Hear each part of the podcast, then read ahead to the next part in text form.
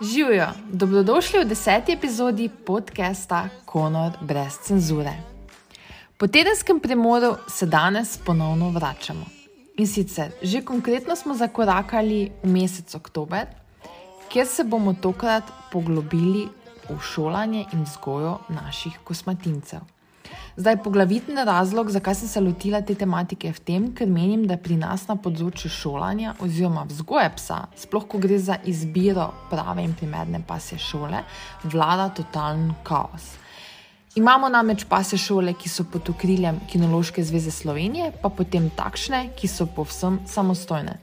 Ne vem zdaj, če veš, da je lahko pri nas v Sloveniji pasji inštruktor praktično vsak, ki se za to počuti sposobnega. Ne potrebuješ namreč narediti nobenega izpita. Ok, pustimo zdaj, če si pod okriljem zveze. In logično je, pač, ko govora o takšni tematiki, da se slednje lotim s pomočjo res izkušenega inštruktorja in kinologa. V svoj studio sem tako povabila kinologinjo Uršo Medvešek. Urša je svojega prvega psa, črnega dolgodlakega belgijskega očarja Grenendela, dobila jeseni leta 1999. Začela sta spoznavati pasi svet in tako sta uživala v agilitiju, pa razstavah, prav tako sta se preizkusila v frisbiju, paši in IPO, oziroma danes IGP. In potem, ko je v Slovenijo prišla nova kinološka disciplina Real Obedience, sta se preizkusila seveda tudi v tem. Leta 2010 je k njej prišel nov spremljevalec, Grenendel Volt. Istega leta je potem Urša še upravila tudi licenco za vodjo osnovne vrste tečaja šolanja psov, ter tudi vodjo šolanja Real Obedience. Leto kasneje je upravila recimo tudi spit za sodnico za ocenjevanje zonanjosti. Od takrat naprej še bolj zavzeto vodi različne tečaje, Denimo Urša je bila tudi vodja treningov za vetišče Ljubljana in danes je tudi mednarodna sodnica za ocenjevanje zunanjosti vseh psov prve FCS skupine. Kot vidiš, sem imela spet opravka s še eno sogovornico, ki je res polna kinološkega znanja.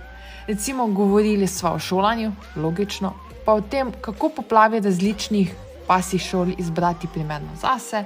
Govorili smo tudi o različnih metodah šolanja, potem kakšna razlika med nagrajevanjem in podkupovanjem psa.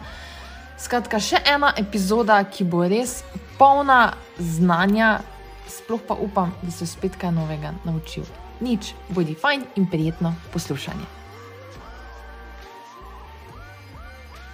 Živijo, Urša, najprej hvala za tvoj čas. Glede na to, da vem, da si zelo zasedena, mi res ogromno pomeni, da si si vzela čas za tale naš majhen podcast. E, torej, ker pač vem, da se ti ukvarjaš z res tisoč in eno stvarjo, kaj govora, ko govora pač o psih, da je mogoče najboljše, da se kaj sama predstaviš, no, ker jaz bi zagotovo pozabila, kaj omeniti. No. Mogoče bom tudi jaz. um, glavno, ja, hvala z veseljem. Um, Ja, nič, uh, kaj bi rekla. Um, velika ljubiteljica psov in živali na splošno, um, drugače pa ja, v okviru kinologije, pa predvsem od svojega prvega belgijskega očarja Sambota, uh mhm. -huh. letnik 99, um, vedno bolj upletena v kinologijo, tako da preko njega sem se res bolj poglobila v ta svet psov in različnih pač kinoloških disciplin. Uh mhm. -huh. Tako da z njim se je nekako vse skupaj začelo. Okay pa s čim se drugače ukvarjaš, mislim, kaj sploh, poleg tega, da si ta kinologinja, inštruktorica in tako dalje. Mislim, um, povej, to, kar jaz vem o tebi, no, ker je bilo po mojem zelo zanimivo slišati poslušalce. Ja, um, sam bo tam v bistvu sva začela uh, tako po domače, da rečemo. Um, sprehodi, pač aktivno z Belgicami, mhm. težko, težko si je drugače zamisliti življenje z Belgicami kot aktivno. Tako da zelo veliko enih terenskih užitkov, da tako rečem. Um, kar se pa tiče disciplin, pa v bistvu najprej se je navdušila za agility, oziroma uh mhm. -huh. jaz in posledično še on. Tako da okay. agility je bila taka moja prva kinološka disciplina, uh -huh. da tako rečem. Um, in potem tekom agilityja um, sem po nekaj časa, ko je uh, inštruktorica naša, naše skupine, uh, zaradi starosti svoje psičke pač nehala s treningi. Uh -huh. um, sem jo nekako jaz nadomestila pri vodenju treningov. Uh, potem se je pri nas v Sloveniji že začel mal prijemati, da tako rečem, Rally Obedience. Uh -huh. Tako da sem se mal spoznala z Rally Obedience disciplino. Okay. In potem smo po zimi, ko pogoji niso ravno optimalni za uh -huh. treninge agilitija, zaradi trdih površin, ja, ja. neogretih psov in tako naprej. Uh -huh. Um, sem v bistvu svoje agility uh, navdušence uh, napeljala na Rally Obedience. Tako da -huh. Rally Obedience je pa v bistvu prva taka disciplina, ki je bolj vezana na poslušnost, -huh. pa da sem se jo slotila. Tako da preko tega, pa potem i po treningi, -huh. nekaj smo se tudi preizkusila v Paši, ovac, -huh. frisbee, Kenny Cross, največ pa kot rečeno. Um, pač aktivno vsakdanje skupno življenje. Skratka, ni kaj nino, mislim. Podobala si to. No, probala sem res marsikaj, pa tudi um, precej sva se razstavljala. Um, po razstavah sva tudi kar hodila, uh, tudi zelo uspešno. Tako da v bistvu on je res prvi, ki mi je tako res precej na široko odprl vrata v kinologijo in v različne panoge. Ok, pa ti je potem kaj z njim? Torej, za sambom, oziroma zdaj za tvojim trenutnim belgijskim močarjem, Voltom, ostalo kaj res v spominu, ne vem, kak trenutek, mislim, iz kakšne discipline ali pa ne vem, karkoli, da bi rekla, uto pa bilo res. Wow. Mislim, takih trenutkov je ogromno, ne? jaz cenim predvsem. Uh, take življenjske trenutke, da tako rečem, ampak recimo, če se posredotoča na neke bolj plastične uspehe. Ne, um, ne vem, um, sam bo je sicer počel marsikaj in je počel to dobro. Uh, tak najbolj viden rezultat je mogoče to, da je bil um, res uspešen na razstavah in je bil tudi evropski prvak. Uh, v lepoti v Zagrebu, leto mm. kasneje, postal evropski podprvak in to mm. že po devetih letih. Um, tako da, kar se tega tiče, je bil res izjemen. No? Um, z Voltom pa tudi marsikaj. Uh, izpostavila bi pa definitivno noto, ki ga lahko pohvalim, oziroma naj jo lahko pohvalim, da je, kolikor vem, edini grenen del, torej belgijski očar svoje različice uh, v Sloveniji, ZIP-1 oziroma IGP-1 izpitoma. Um, to treba poudariti, ja, da ne te pekinem, da nimaš. Ja. Vsak razume, da ja, je belgijskega očarja, ja, ima malino, ne? še eno ja. z malino, ne, urča nima maline. ne, nima maline. Uh, ja. Jaz sem na črne dolgodlake. No, vsi so mi všeč, ampak te mi najbolj pašejo na dušo. Um, tako da, ja, Voltek ima upravljen IGP-1, um, to je tudi cela svoja zgodba, da tako rečem, no, z veliko prekinitvami in veliko umestnimi pauzami. Uh, imela sva smolo z zdravjem, oziroma s poškodbami, njegovimi in mojimi, tako da to se je uh, vleklo dolgo časa, ampak po kar nekaj letih pauze me je spet zagrablo, ker sva oba bila kar v redu formi, da tako rečemo. Uh, in sem se obrnila na, na svojo prijateljico, inštruktorico, vprašala, kaj pa, kaj pa se ji zdi, če bi mi dva se tega spet lotila, če bi probala, pa je rekla. Ja. Probaj, ne? če ne probaš, ne veš. Tako da je v bistvu izpito pravo pri devetih letih in pol, kar je pa po mojem tudi izredna redkost. Jaz sem to ne vem. V redu, torej, če prav razumem, imaš ti zdaj pač trenutno štiri pse. Ja. Ne, poleg eh, dveh belgijskih očarjev, Grenendel, ne, torej Volta in Tirota, ki se ja. ti je pridružil pred kratkim, ne, uh Mhm. -huh. še ibiškega psa Sijo in Čivavota Takota. Ne. Tako. Torej, sama si pač inštruktorica, kinologinja, zdaj verjetno ljudje hitro pomislijo, da ja, ta ima tako nulo vzgojene pse. Uh, in tako so pridni, popolni, ničesar ne špičijo, ne? zdaj pa kakšna je danska resnica, da malce pove o tem. Ne, resnica je, da seveda tudi kaj ušpičijo, ja. ampak um, ja, vsi so zelo posebni in vsak je zelo svoj karakter. Mm -hmm. um, če grem tako kronološko po, po svojih izkušnjah z njimi, uh -huh. ne Volta imamo od mladiča, Volta je star 12 let pa pol. Uh -huh. um, tako da on je, on je tak, tak kot mora biti, a ne svoji pasmi primeren. Um, zelo ima pač izrazit čut za čuvanje, za zaščito, uh -huh. um, za pravičnost, kar je zelo taka očarska lastnost. Uh -huh. Um, tako da on je res tak naš, naš zaščitnik. On vedno poskrbi, da smo vsi, da smo vsi skupaj, da smo vsi v redu, da je vse varno. Um, tako da on je res tak, uh, naš, naš tihi vodja, no, da tako rečem. Um, potem je tak, um, kako bi rekla, zelo je, zelo je nežen do domačih, zelo, zelo ima tako občutek in za šipke, za ljudi, ki imajo kakšen zadržek, za otroke.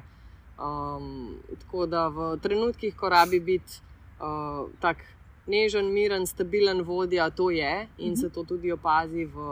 Um, v odnosu drugih psov, da skrat do njega. Um, ko je pa čez za akcijo, je pa še kako za akcijo, takrat pa, takrat pa ni prav tih ponavadi. No? Kako pa se razume z drugimi psi, oziroma bo rekla, drugi psi z njim? Uh, on je v redu z drugimi psi, uh, sicer sem precej delala na tem, ker nekateri belgijski očari niso najbolj ja. naklonjeni drugim psom, oziroma pač ni redko, da ne. Um, da je treba biti pazljiv. No? Ne, mhm. ne bom rekla, da so konfliktni, ampak zelo so intenzivni psi, mm. tako da tudi ni, ne reagirajo vsi psi na nje prav dobro, ker mm. so pač res uh, taki. Dinamični, dosti krat glasni in tako naprej, tudi svoj poseben stil komunikacije, pa igre imajo, tako kot ga imajo. Določeni psi, ne, niso vsi kompatibilni med sabo. Uh, tako da ne, on je kljub nekim slabim izkušnjam v mladosti v osnovi v redu do drugih psov, Um, vidim pa sploh zadnja leta, ko imam spet večkrat um, kakšne treninge za, um, za bolj občutljive pse, za reaktivne pse, um, skupinske sprehode, take stvari. Um, je prav zanimivo, ko dosti krat se ljudje kar malo strašijo, če vidijo, da ga imam sabo, sploh če imajo kakšnega samca, uh, ki zna ne lepo reagirati na druge pse. Um, praktično vsi ti samci, uh, ko vidijo volta, v bistvu se ga začnejo držati in se umirijo. uh, in nekako tako, kot da bi rekla, da sledijo njegovemu zgledu, no? mm. poberajo pač njegovo energijo, njegov vibe. Tako da je, kar se tega tiče, res krasen, si mm. krasen pomočnik. Mm. Ok, v redu, kaj pa potem zdaj, da si omenila Volta, imaš še Sija. Ja, Sija je prišla v kompletu s fantom, tako da ona je starejša od Volta, ona ima 15 let. Um, skupaj smo zdaj uh, dobrih 8 let. Um, ona, je, ona je tudi zelo posebna, ona je ibiški pes, resasta različica. Um, ona je bila čisto nasprotje Volta, bi rekla, ko smo mi skupaj prišli. Ona je precej mirna, zadržana, sploh s tujimi ljudmi, s tujimi psi uh, ne boječa, zadržana. Uh, tudi Volta se je na začetku mečkan bala, mhm. vse en zaradi njegove pojave, uh, ampak ga je dosti hitro sprejela in čim ga je sprejela, ga je pa res vzela za svojega in mu res sledi. Uh, tako da je krasen zgled za njo, tudi odprla se je uh mhm. -huh. skupaj z njim, z njegovo pomočjo in z mano. Uh. -huh. um, in ona v bistvu v svoji mladosti. Um, noč kaj dosti ni znala, tako uh mhm. -huh. poslušnostno, da bi rekla, uh mhm. -huh. tudi niso z njo delali v tej smeri. Uh, in tudi na začetku, ko sem jaz hotela uh, biti bolj aktivna z njo, um, se lotiti učenja, kakšnih vaj, kakšnih trikcev, ni bila prav pretirano zainteresirana za to. Potem je pa ona ugotovila, da ko pa delam z Voltom, je pa to en kup ene pohvale, enega veselja, ene akcije. In jo je to potegnilo, in je prav zanimivo, kako ona je res tak primer tega, kako psa, ki v bistvu ni motiviran niti za neko uh, sodelovanje, mogoče niti za neko konkretno nagrado v smislu mhm. hrane, um, koliko v bistvu potem lahko napreduje v tem, da ugotovi, da je pa delati človekom fajn. Ja. Zanimivo. Okay. In tako? Ja, tako. On je naš tri kile ljubezni. uh, tako je prišel po naključju uh, v našo družino, ampak si že težko predstavljamo biti brez njega. On je šest let pa pol star, dolgodlaki čivalko.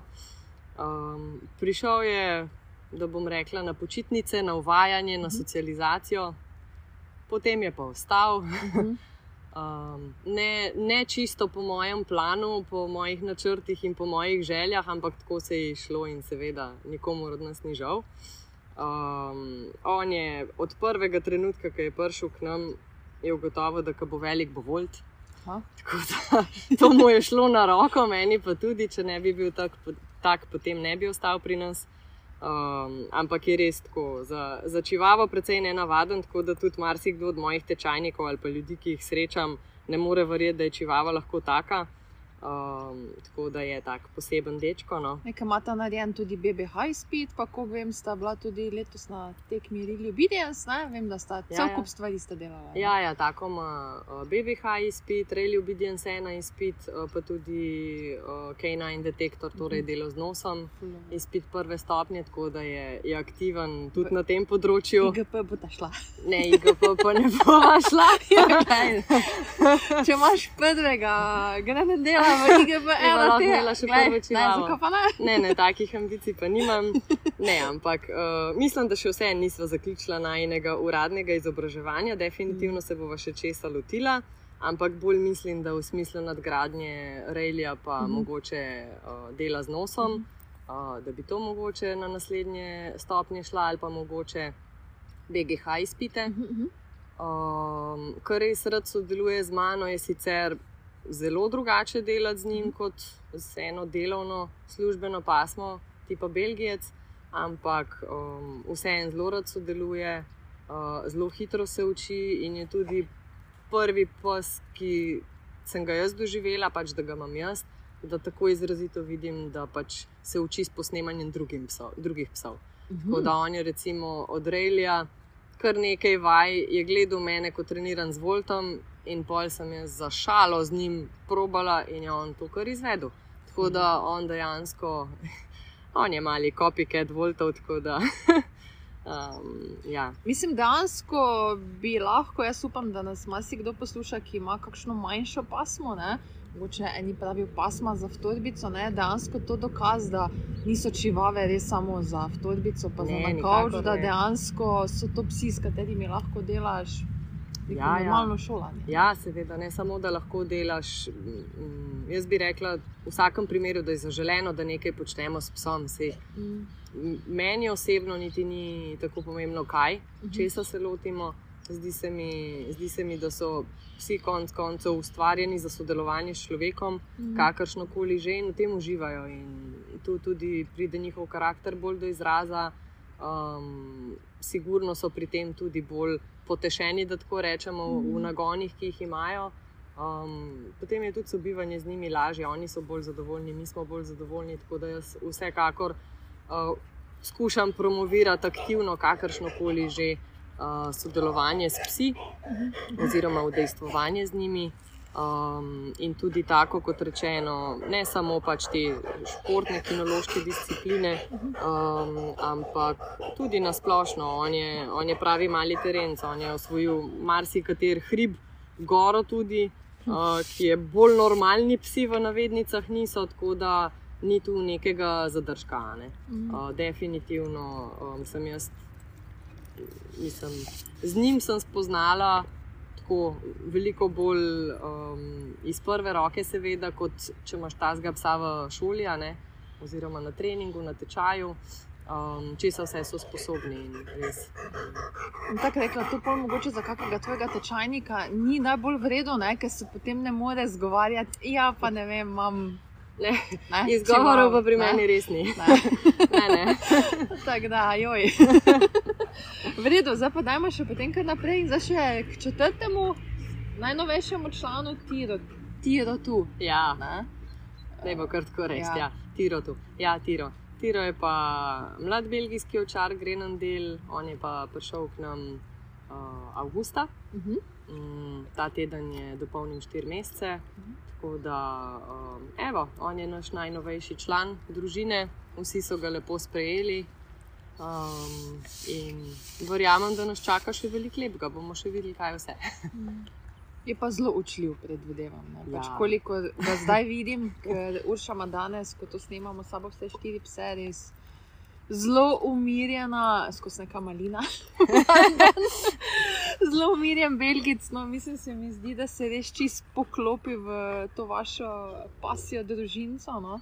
Se mi zdi, da se res zelo zlije. No. Da- Ja, ja, ja. Zelo, zelo lepo se je vklopil. Um, tudi uh, bom rekla čistko, zaradi tega, ker dobro, se enkrat, ko imaš tri pse, pol četrti, ni več Ja. ta, tak šok za okolico Ja. in ostalo družino in tako naprej.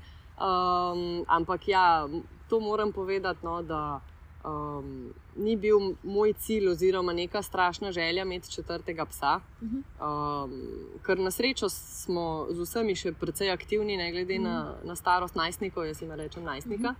Um, ampak res sem si pa želela, da bi naslednji pes, katerikoli že, odraščal z Voltom in Sijo, ker sta pač tako super vzornika. Um, tako da, ko sem, ko sem videla priložnost za leglo, za kombinacijo, sem rekla, da če je to nekaj, kar bom začutila, da je za me, potem bi bilo škoda to priložnost izpustiti. Uh, tako da par ljudi me je v zadnjem mesecu, dveh vprašali, če se od koga poslavljamo, glede na njuno starost, ne, nikakor ne. Ampak uh, dejansko sem želela, da pač odrašča pod takim vplivom in moram reči, da, da se to absolutno pozna in obrestuje. Tako da um, uči se stabilnosti, uči se mirnosti, uči se ljubčkanja ljudi. Ja. No, ravno kar mi je skozi skočil v naročje, da vejo poslušalci, kaj se je zgodilo. Ja. Ja. Um, v glavnem, ja, res, res je učljiv, res je, res je pameten, Mhm. seveda. Um, Ja. Zelo dobro posnema pač ostale člane, kar dela vsakega v svojih fintah. Uh, tako da je zanimiva kombinacija vseh treh starejših. ne. Um, ampak ja, jaz mislim, da, da se nam obeta lepa prihodnost. Kakšna točno Ja, gled, bova videla. Ja, puščam, puščam. se še vse odprto, zaenkrat sem zadovoljna in mu puščam, da, No. da se najde. To je najbolj važno, jaz pravim. Nič, dajmo mogoče sedaj priti k, k naši mesečni tematiki, ne, ki je Mhm. tokrat šolanje, da zdaj malce poveva še več o šolanju. Mislim, se smo ogromno že, mislim, se je že vse čas tema na nek način šolanja, ampak ok. Zdaj, sploh glede na to, da se ravno sedaj tudi pogovarjava o Tirotu, ne, pa da se pač, kako bi rekla, slejko prej se je treba lotiti tudi rekla, resnega ali pa manj resnega šolanja mladiča, ne, oziroma sploh kar se tiče strogosti vzgoje. Zdaj, tam jaz vprašala dva vprašanja. In sicer zanima me res, kaj ti zagovarjaš, ko gre za šolanje mladiča, ja? Pa sploh zakaj. In sicer, mogoče da ima prvo dva ekstrema, če lahko temu rečem. Ne. Jaz, recimo, ko sem dobila konorja, ja, svojega prvega psa, ja, kot belgica. Ne? Jaz sem pač takrat mislila, da ja, pač se, če imaš belgica, to mora biti zdaj vojaška vzgoja, naučiti čim prej psa. Vse, kar je možno, ne? ker vse vemo, danes na, in, v int, na internetu, pa na raznih Instagram profilih, marsikaj vidiš, ne? da različni inštruktori pri nas in v tujini imajo pač pse, pač te maline, ki pri šestih mesecih znajo že tako praktično vse. Ne? In so pač psi že, kako bi rekla, skoraj na pol robotiki, ne? če se lahko tako izrazim. Pač ja, jaz sem to tudi Ja. probala, videla sem, da sploh če si zelen, tako smo bili mi, se v praksi potem slejko prej zalomi. Ne? In potem, kasneje, ko se mi je potem pes tudi zaprl, ne, se to še bomo tekom najnega današnjega epizode, bom tudi povedala, zakaj. Ne, uh, sem potem pač videla, da mogoče ni vse samo v tej vojaški vzgoji v najvednicah, ampak da moš ogromno delati na odnosu, Mhm. pa na igri, pa mogoče bolj o nekih bolj takih simpel, kako bi rekla. Vsakdanjih vajicah, uh Mhm. -huh. torej samo od poklic, pa tiste, ki so ti mogoče pomembne v vsakdanjem življenju, z psom, recimo do enega leta. Ne? Torej, kaj ti bolj zagovarjaš, ko dobi nekdo mladička v svoj dom, da kar gremo hitro po vojaško, ali bolj življensko, pa da nekako se pusti psu tisto otroško. Otroštvo do enega leta, in potem se gre bolj za res. no.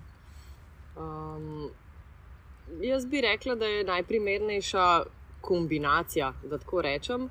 Um, in tudi, ko me ljudje vprašajo, če je prezgodaj za v šolo, ne, načeloma ne, ne obstaja prezgodaj, pa tudi ni prepozno. ne.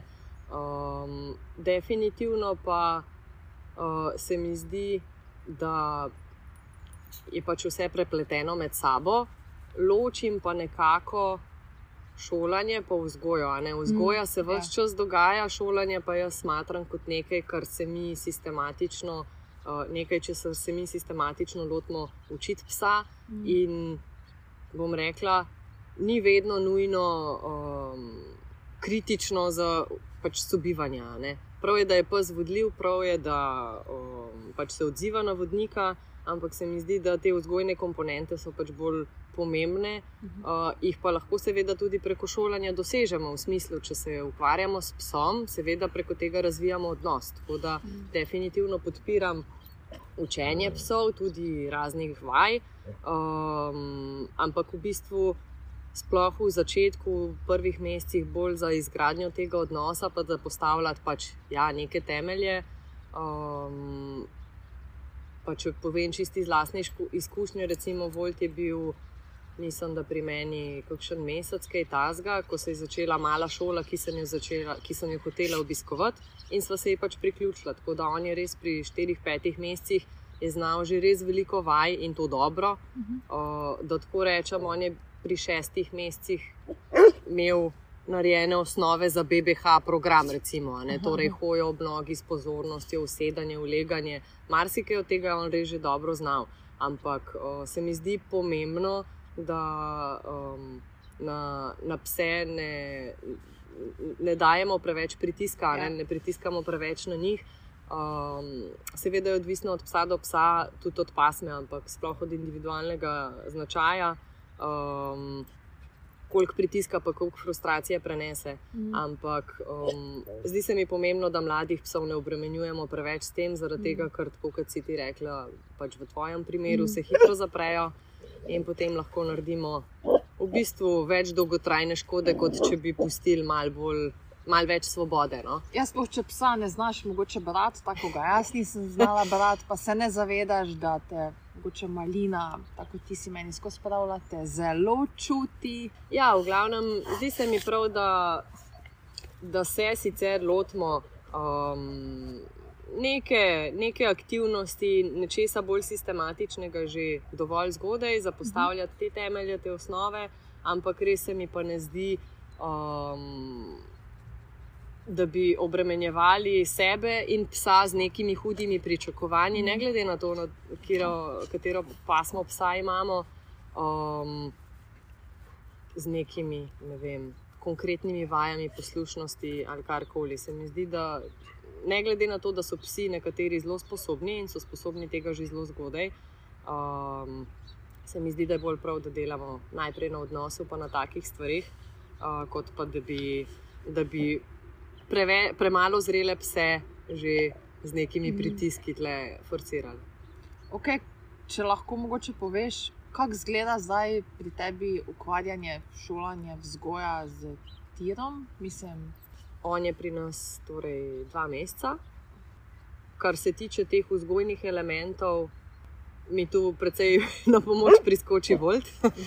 um, tako da in tudi ostala dva, seveda, ampak recimo um, s posnemanjem drugih psov v družini, enostavno sobivanjem, uh, je povzel recimo da se mirno čaka, ko se pripravlja obroke. On je mhm. po štirih dneh, petih dneh pri nas sposoben bil uh, ležati ali pa sedeti meter stran od štirih skled na tleh, počakal, da se pult pospravi in tako naprej. Uh, brez nekega mojega strašno aktivnega dela in upletanja. Tako da um, meni se zdi, da so take stvari, uh, ki, ki jih srečujemo v vsakdanjem življenju, oziroma ki sestavljajo naš vsak dan precej pomembne. Ne? In je tu fajn, da se tega lotimo. Tako da mi dva smo zdaj le predvsem take stvari delala, to se pravi, da, um, da zna mirno počakati na obrok. Ga lahko mirno pripnem. Jaz imam doskrat v tečajih ljudi, ki pravijo, da psa lovijo pol ure po hiši, če malo pretiravamo, da ga pripnejo, da grejo na sprehod. Mislim, tega si ravno ne predstavljamo, ne? ali pa kakšne manjše kuške, ki jih je treba obleči, da se pol tam grejo rokoborbe po zimi. Um, tako da ne, bolj smo se lotevali takih vsakdanjih stvari, seveda smo tako preko igre začela delati neke temelje, ki bodo lahko dobra osnova potem za poslušnost, ampak brez nekih strašnih pritiskov. Um, tako da ja, to, kar se zgodi spontano, um, to, kar se, kar se mi zazdi, da bi bilo v tistem trenutku mogoče fajn, malo potrenirati, mm -hmm. narediva, drugače pa trenutno Um, res sem se posvetila temu, da, um, da, je, da je odprt do ljudi, do drugih živali, ker mi je to pomembno za moje življenje in za moje delo. Uh, to se pravi, da vsi vemo, upam, da so Belgijci uh, malo specifični, zahtevni za socializacijo. Ne, tako da predvsej delamo na tem, da nima težav z okolico, na srečo ima super um, značaj že v osnovi, tako da je na meni pač, da to negujemo. Ne. Um, ampak ja, predvsem na tem, da, da je naš vsakdanjik, kar se da. Kar se da um, miren in uh, brez stresa, definitivno bi lahko šla z njim v pasjo šolo, če bi mi čas pa logistika to dopuščala, ampak um, imam enostavno res precej poln urnik uh -huh, in uh -huh. mi to ni izvedljivo. Uh -huh. um, tako da ga občasno vzamem sabo na treninge, uh -huh. kjer je mogoče uh, primerna skupina za njega, uh -huh. pa potem izkoristim druge pse, zato da povadim z njim stvari v družbi drugih psov, ki pač niso del domačega krdela. Tako da definitivno, uh, če, bi, če ne bi imela dovolj polnega urnika. Bi se odločila za obiskovanje um, šole z njim, tudi z Voltom sem hodila v, v pasjo šolo. Um, glede na to, da imam še tri druge in da sta tudi najstnika še precej aktivna, um, predvsem delam na takih vsakdanjih stvarih, ker mi je res pomembno, da uh, mi ni preveč stresno, ko grem tudi z vsemi štirimi. Tako da um, delamo predvsem na, da razume, kako potekajo stvari. Da mu je jasen urnik naš, ki za katerega se trudim, da je vsaj zdaj, dokler je še tako mlad, približno stabilen. Ne? To se mi zdi pomembno pri mladih psih. Dejstvo pa je, da potem je naš urnik precej fleksibilen. Ne? Tako da moji psi so prilagodljivi in ne predstavlja to nekega strašnega stresa, pa panike, ker so naši dnevi precej razgibani. Bolj tako, kot bi rekla, z neko umirjenostjo, z mogoče z mislijo, da pač je bolj fajn imeti psa, da prijetno bivanje z njim, ja. ne, ko pa da zna vrhunsko, robotsko skozi hoditi ob tebi, ob nogi. No. Ja, definitivno. Um, recimo, če primerjam Volta, karakterno sta si precej podobna. Um, ampak, recimo, ko sem imela Volta, sem imela samo njega, šla okay. sva z njim v šolo.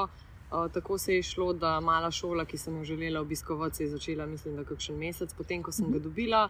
Um, tako da Volt je v tej starosti, torej pri 4-5 mesecih, znal že res veliko stvari in jih je znal dobro. Um, delal jih je tudi z veseljem, tako da pri njemu se je ta sistem čisto obnesel. Uh, zdaj, če bi imela samo tirota, bi mogoče bilo spet podobno. Ampak glede na to, da imam še tri druge pse in da je življenje malce drugačno, kot je bilo takrat, um, mi je zdaj to bolj prioriteta. Da se posvetim temu vsakdanjim stvarem, kar se tiče bivanja. Poleg tega um, je le dejstvo, da je od takrat minil ja. skoraj 13 let.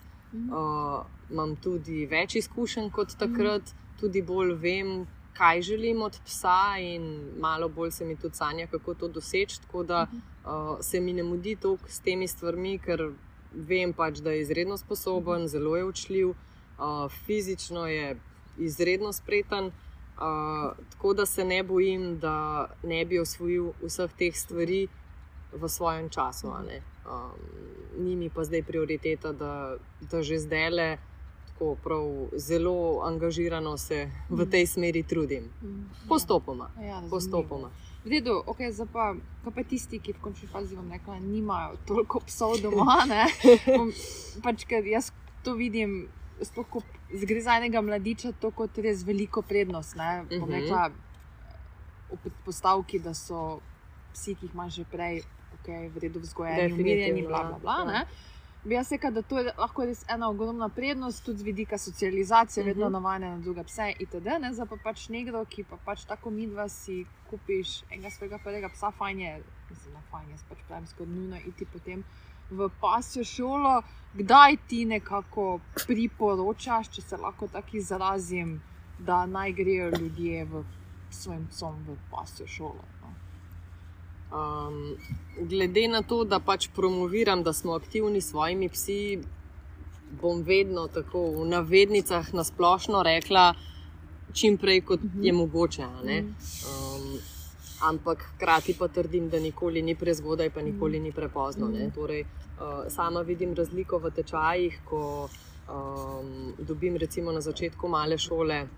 9-10 tednov starega mladička, um, pa ne vem, 4 mesece starega mladička. a ne. Mhm. Definitivno se vsak teden razvoja pozna, bolj, boljše koncentracije, daljše koncentracije so sposobni, tako da tu so razlike. Um, hkrati pa, če začnemo malo bolj zgodaj, um, morda pa že prej začnemo delati na tem fokusu med drugimi motečimi dejavniki, med drugimi psi, med drugimi ljudmi. Tako da to je pa pač prednost mlajših, ne psov.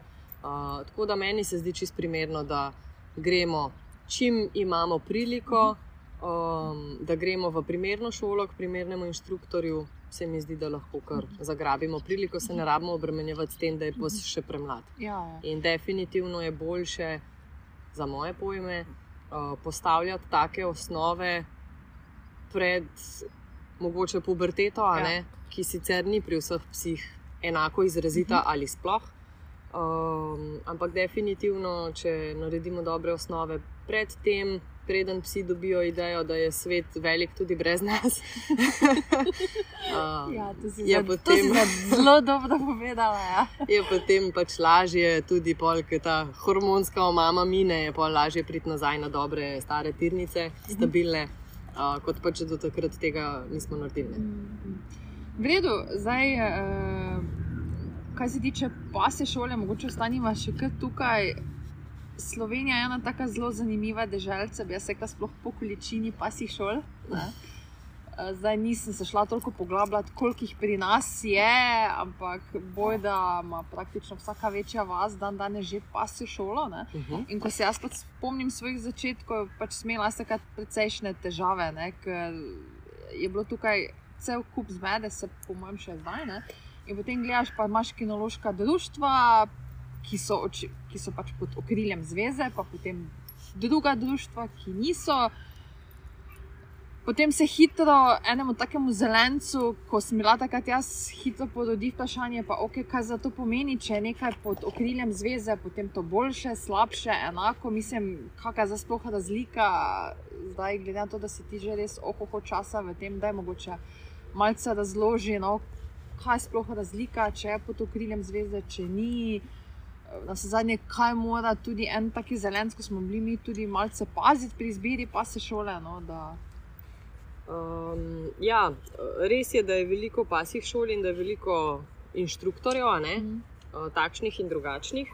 Um, mislim, da ni čist realno ali pa pošteno reči, da je šola boljša, če je pod okriljem Mhm. kinološke zveze, uh, niti ne absolutno, da je slabša, ne, seveda. Mhm.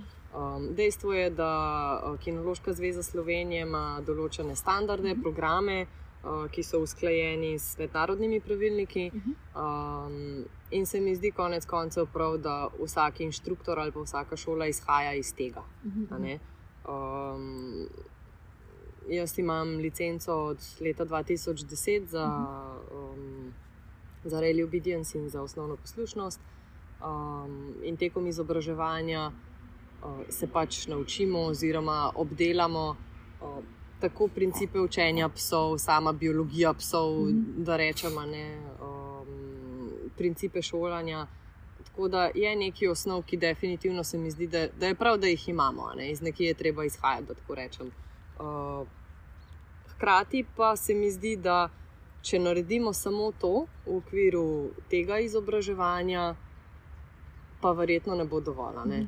Uh, vsak mora poskrbeti za to, da se sam izobražuje, uh, da, predvsem pa, da sam nabira izkušnje. No. Mhm. Mislim, da čez izkušenj jih pa ni, pa seveda debate s sokinologi, pač ogromno se imamo za naučiti od Ja. starejših generacij, ali pa v Sloveniji imamo res ogromno odličnih kinologov, ki niti niso mogoče tako stari po starosti, ampak imajo pa kar orang staža. Uh, tako da se mi zdi, da je vedno vredno v take kinološke debate se podati, uh, ker se lahko ogromno naučimo. a ne.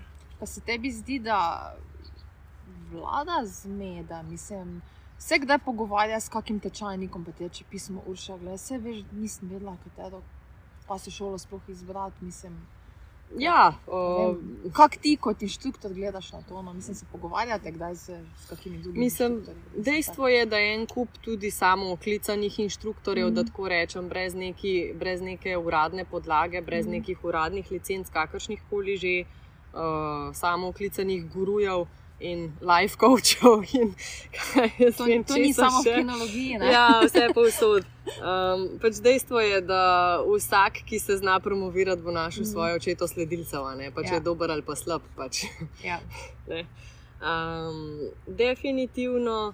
Um, je malo kriv, da tukaj na vseh straneh bi rekla, mogoče bi Kinološka zveza lahko malo bolj mhm. delala na na samem izobraževanju, na nudenju dodatnih izobraževanj, uh -huh. ker mislim, da bi marsikdo od nas z veseljem izkoristil priliko. Uh -huh. uh, pustimo zdaj koronske čase, ko to res ni bilo mogoče izvedljivo, ampak um, mislim, da si marsikdo od nas želi še malo več uh -huh. takega, da ne bi vse ra, uh, nujno bilo samo inicijativno, torej da mi sami iščemo uh, dodatne možnosti. Uh, po drugi strani pa ne vem, smo leta 2022, se mi zdi, da smo vsi tako funkcionalno pismeni in pravilno sposobni, da se lahko vsi dovolj dobro informiramo, pozanimamo. Uh, mi samo ogromno dobivamo dobro, nasme, dobro namernih nasvetov od sosedov in prijateljev s psi in frizerk, katerih bratranc je hodil k nekomu. Mislim, ustno izročilo še vedno se mi zdi, da tu prevladuje. Tako da, če uh, samo moramo pa najti, uh, znati filtrirati malo te informacije. Mm. Informacije pač ogromno. Um, mislim, da se morajo tudi sami ljudje, lastniki psov, skrbniki psov, malo bolj informirati z glavo, uh, torej s pametjo, kaj bi želeli, kaj obstaja pa ne iti samo na prvo žogo v smislu iskanja najbližje šole ali pa najbližjega inštruktorja, malo bolj se pozanimati um, o, o tem, kaj kje poteka in kako poteka. Mislim, ja, zdaj, ko to govoriš, sem se spomnila primera ene, ne, ko sem slišala, da ogromno krat, mislim, tako rekla. Prvo, kar je zelo šokiralo, to sem prebrala, je lani v eni naši pasji reviji da bo en danes lahko inštruktor vsak, da sploh ne rabi nobenega posebnega izpita. Nič. Uh, in potem, ker nekaj mesecev zatem, ne, pa potem slišiš, ja, primer enega, ne, ko je pač postal inštruktor, zato ker je uspešno vzgojil svojega psa. Ne. Ja. Eh, mislim, okay, potem takem bi tudi jaz lahko bila že inštruktorica, pa mi to ta trenutek na kraj pameti ne pade, ne. mislim, res ja. bog nadaj. In to je sploh to, ko si rekla, da bi se ljudje mogoče mogli malce informirati, ne? da se mogoče malce pogleda, kakšen sploh je ta tvoj bodoči inštruktor, torej ja. kakšne ima izkušnje, kaj ja. je naredil, kaj pravijo njegovi. Ja, čajni povratne informacije. Ne, ne, um, ja, sploh, kakšni so ti psi? Ne? Ja, ja. Uh, mislim, majico ali pa kapco inštruktor si lahko vsak natisne. Ja. Uh, to je dejstvo. Uh, za imeti licenco pod Kinološko zvezo Slovenije se moraš podati ja. na pot izobraževanja, mm. iz Tubija, kot rečeno, izhajala. Mm. To se mi zdi absolutno ja. primerno. Um, ne bom rekla, da je to edina stvar, ki je mm. pomembna. Um, tako da tu, tu neka osnova pač mora, mora biti, nek standard osnovni, mm. ne, uh, moramo postaviti. Kar se pa tiče izbire šole, pa inštruktorja. Mm, zdi se mi poglavitno, da se najprej vprašamo ali razmislimo, kakšen odnos mi želimo s svojim psom imeti, pa kakšno življenje si mi želimo s svojim mm. psom, ker nekaj, kar meni ustreza, ni nujno, da bo tebi ustrezalo. Ja. Tako da tudi jaz svojim tečajnikom recimo, povem, na kakšen način jaz delam, pa kaj jaz pričakujem od življenja s psom, ker to ni nujno, da se sklada z njihovo vizijo. Mm. Tako da se mi zdi, da ko se ljudje odločajo za šolo ali pa za konkretnega inštruktorja, ker tudi niso vsi inštruktori znotraj določene šole, morda, morda čist enaki ne, v razmišljanju in mm. v metodah, je, da pač se vprašamo, kaj mi želimo od, mm. od psa in ja. kako si predstavljamo življenje z njim. Uh, potem se pa seveda pozanimamo, kakšne metode šolanja ima ta inštruktor, kakšen odnos ima s svojimi psi, se mi zdi pomembno videti. Ja a je to to, kar si mi želimo. Sej, ne, ni nujno, da uh, se to vedno absolutno prenese na znanje, ki ga podajajo, oziroma informacije, ki jih podajajo, ampak neka informacija nam je pa to vseeno lahko. Um, potem jasno, kaj od programov ponuja, mm. ker ni nujno, da ponujajo to, kar si mi želimo. Mm. Um, potem pomemben vir informacij so lahko lastniki iste pasme ali pa podobne pasme, kot jo imamo sami, zaradi tega, ker so si pasme. Po defaultu, ne, če ne, ne bi mhm. bile pasme, um, so si značajsko podobne, imajo podobne recimo, uh, stvari, ki jih motivirajo, mhm. podobne nagone, tako da se je fajn mogoče pozanimati, če ima določen inštruktor, kateremu želimo, da ima že kaj izkušenj s takšno vrsto psa. Uh, pa tudi konec koncev, da ima različne izkušnje z različnimi psi, z različnimi pasmami, zaradi tega, ker eni se pa izključno osredotočajo, mogoče ne po lastni krivdi, pač take tečajnike dobijo, ampak um, je konkretna razlika, če pač delaš z neko službeno pasmo, pa potem z nekim ja. hrtom, da rečem, ali pa ščivavo. Ja. Uh, in največ tega, te širine, po mojem, dobiš, seveda, z izkušnjami. To mm. se pravi, da je fajn pač najti take, take inštruktorje, ki imajo mogoče nekaj, nekaj več izkušenj, uh, nekaj več znanja, ker potem bojo lažje tudi mogoče našli rešitev za naše zagate s psom. Uh, konec koncev pa moramo tudi poslušati sebe, pa svoj čutane. Mm videti, da se ujamemo z inštruktorjem. Inštruktor je lahko čist fajn, pa se pač mi ne ujamemo z njim, več na robe. Ja. Tudi meni ne sedajo vsi ljudje in tudi jaz absolutno ne sedam vsem. Uh, s tem ni nič narobe, na srečo je ponudbe res ogromno, mm. tako da se vsak lahko odloči in pač izbere nekaj, kar njemu ustreza in njegovemu psu. Mm. Meni se zdi tudi zelo pomembno, ne, da ima tudi ta inštruktor ne samo čut za pse, tudi čut za ljudi. Ne. Ja, zelo mi je do, bilo dobro, ko si omenila pogled, kakšen ima ta inštruktor, oziroma tvoj bodoči inštruktor, odnos z svojimi psi. Uh mhm. -huh. Tukaj se lahko jaz povem, recimo, svojo izkušnjo. Ne? Sicer, ko smo mi iskali za kononja, takrat naše prvo paso šolo, okay, mi smo se potem tako odločili za društvo, ki je bilo pod okriljem zveze. Uh mhm. -huh. Izhajali smo iz tega, da pač ima dotična šola oziroma inštruktor izkušnje s to pasmo, ne pa uh mhm. -huh. belgijski učar. In pač tudi naša prva inštruktorica se mi je zdela super, ni bilo, nimam kaj za reči.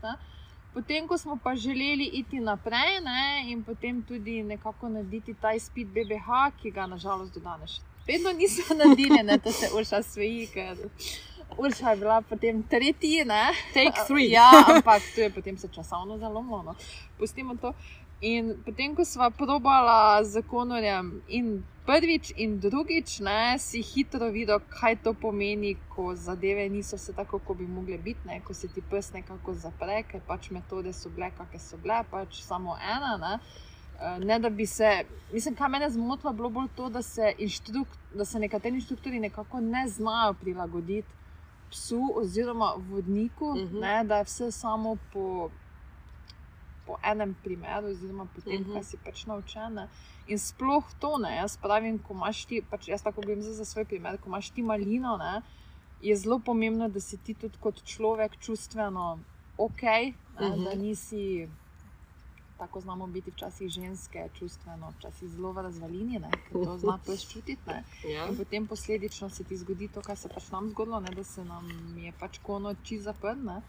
In ja, ne, tako si rekla, ne, kakšen odnos ima dotični inštruktor z svojimi psi. Ne? Jaz sem pa še kaj videla pri tej inštruktorci, da mogoče jaz takega odnosa ne želim imeti s mm -hmm. svojim psom. Ne? In potem mislim, se za tukaj lahko povem. Jaz recimo Uršo poznam že, še preden je sploh konor prišel v naše življenje. Pač, tebi se res vidi, da kar se tiče odnosa, to res no, wow. Ne? Ko vidiš, da je res mirno, umirjeno, med nekako to medsebojno spoštovanje. Ne? In mm. potem se rečeš, ok, ne. Mogoče si pa bi jaz nekaj takega tudi želel imeti za svojim psom. Da, no, kakorkoli že, da ne nakladam preveč, jaz samo hočem potrditi to, kar je rekla Urša. Uh, In upam, da nam bo potem enkrat v bližnji prihodnosti leta BBH pod svojim okriljem uspel, ampak to zdaj pustimo. Uh, torej, mene zanima, ker sem ravno zdaj omenila ta svoj primer. Uh, gre nekdo k enemu, pa mu ne ustreza, pa k drugemu, pa mu ne ustreza, pa pusti tam kar nekaj denarja, pa pride k tebi. Imáš dosti takih primerov, da moš kaj popravljati, reševati, eh, na vse zadnje odpirati vse. Mm, ja, um, se zgodi, seveda, večkrat, da pridejo k meni ljudje iz drugih šol, drugih inštruktorjev, uh, ne nujno z nekim sporočilom v smislu, da so nam psa zafurali. Mm -hmm. uh, in tudi jaz ne vem, imam tak princip, da um, sicer vprašam ljudi, če so bili že v kakšni šoli, pri kakšnem inštruktorju, uh, iz tega vidika, ker. Veliko se nas pozna med sabo, inštruktorjev, govorim v šolah, in potem, če jaz vem, kako je hodil, mi je precej jasno, ali pa uh, si dosti krat lažje predstavljam, na kakšen način so delali, kako so delali. Um, kako ga rešiti? ja, no, kako, um, de, kako izboljšati? No, ja, ja. Um, tako da ne rada se lotim uh, pač, uh, dela z novim parom, vodnik pa v smislu, da jim mi popravljati, kar so moji ja, ja. predhodniki pač ja, zašuštrali. Ja. To, to se mi ne zdi um, primerno. Um, ampak ja, definitivno pa dobim vse in ljudi, ki pri katerih vidim primankljaj, mogoče ali v samem kontaktu, v samem odnosu, mogoče napačni uporabi uh, motivacije ali pa celo opreme, uh -huh. uh, kar tudi ni zanemrljivo. Uh, tako da, ja, včasih so tukaj določeni izzivi, ker seveda je lažje dobre temelje od začetka postavljati, kot pa rušiti, uh -huh. uh, pa, pa potem na novo ne, graditi. Um, živa bitja se vse čas učijo, učimo. Uh -huh. Tako da to je pač uh, dejstvo, ne? pa se uči, pa če želiš ali pa ne. Mm. Tako da je bolj, ja. pač, da ga učimo takih stvari, mm. ki so zaželene, ki, ki, ki, ki jih mi želimo, mm. Uh, kot pa da ali jih prepustimo same sebi, ali pa celo jih na robe učimo, oziroma se učijo stvari, ki nam ne ustrezajo.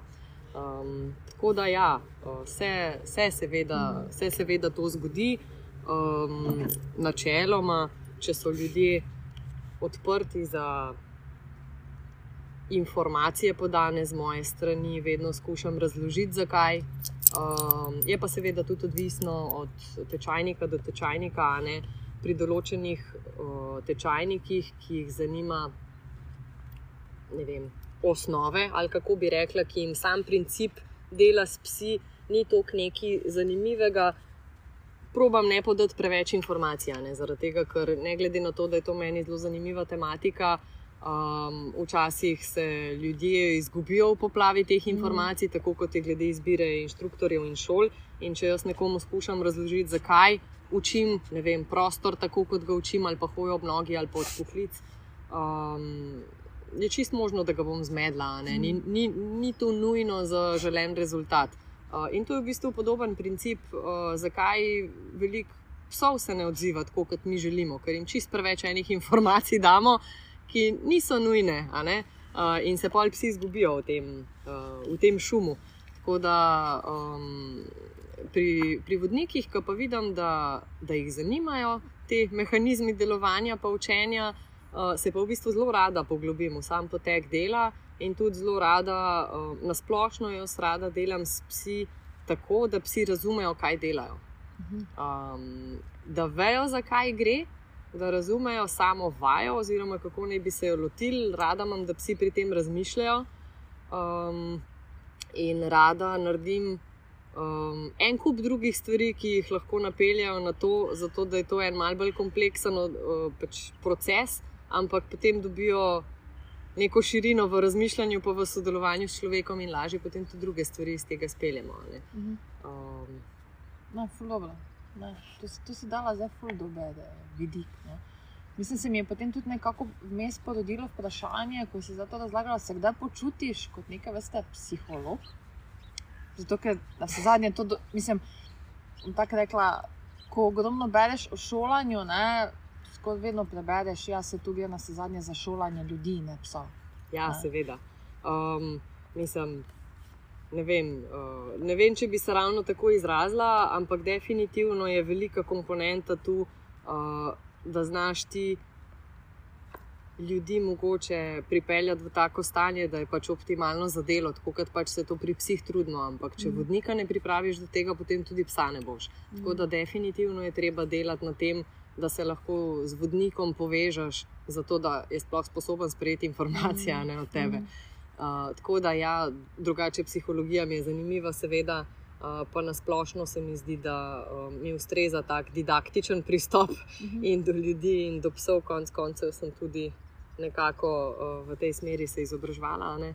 Tako da um, sem, sem rada učiteljica, tako in drugače bom rekla. Mm. Tudi tud, kar se tiče svojega preostalega dela, ker tudi pač, uh, jezike uh, učim in tako otroke in odrasle, in mi je nasplošno blizu to. Mm.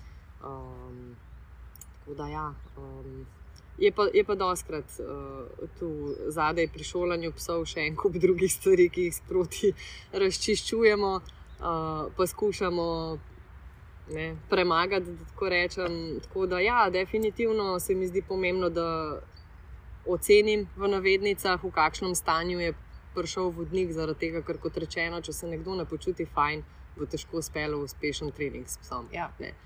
Da, uh... Meni se zdi, da se recimo to fulpe malo podarja. Pa če to lahko govorim spet iz svoje izkušnje, da uh, se tako sem že prej omenila v svojem monologu. Deset minut nazaj se mi zdi, da tudi če bi recimo meni dal s konorjem trening za svetovnega prvaka, ga verjetno ne bi mogla delati, zato ker pač sem jaz kot človek čist drugačna kot nekdo drug. Ja. In se mi zdi, da se mogoče ta vidik prema, premalo kdaj poudarja, no? da je zelo pomembno, da si prvi ti kot človek, okay, da se ok počutiš, da nimaš uh mhm. -huh. nekih pričakovanj od psa, da ni to tekmovanje v mali šoli, da ni to uh -huh. ne mhm. vem kaj, kakšno dokazovanje, ti uh -huh. pazi, da ni pes. To je podaljšek ega, kar se mi včasih zdi, da mm. to pri kakšnih vodnikih vidiš, ko si kupijo psa, samo zato, da bom zgledal. Ja. Je to prisotno, seveda. Um, ne, meni se zdi pomembno, um, pomembno, da se posvetim jaz temu. Um, in ne vem, zdi se mi, da bi nasplošno lahko se več na tem delali, tako kot si rekla, uh, ker v osnovi.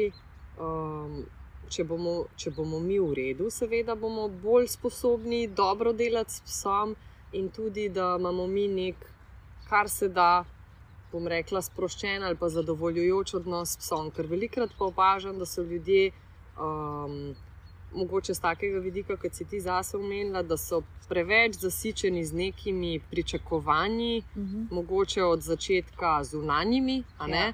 ki jih potem ljudi, ljudje um, ne, ponotranjimo. Ja. Um, in pol s, takim, s tako energijo pristopimo k stvarem. Da se ponavadi ne izide dobro.